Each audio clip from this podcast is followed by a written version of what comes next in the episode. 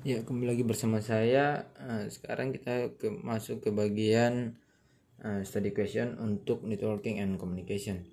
Nah, uh, yang pertama apa itu aplikasi pembunuh untuk internet? Nah, uh, the answer is uh, jawabannya adalah email. Nah, yang kedua, uh, setelah saya kunjungi speedtest.net, speedtest.net dan uh, hasil yang keluar adalah uh, untuk kecepatan download yang saya miliki yaitu 16,89 Mbps dan sedang uh, sedangkan kecepatan uh, uploadnya itu 3,16 Mbps.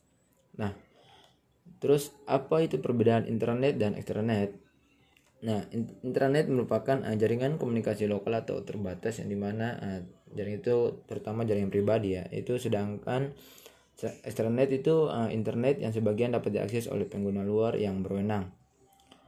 Keempat, uh, siapa penyedia broadband di wilayah Anda dan berapa harga kecepatan yang ditawarkan? Nah, broadband di wilayah uh, yang tersedia di wilayah saya yang saya pakai yaitu IndiHome dengan uh, subunitnya yaitu Poinix yang di mana harga yang ditawarkan untuk 10 Mbps dengan harga uh, 280.000 per bulan sedangkan 20 Mbps dengan harga 345.000 per bulan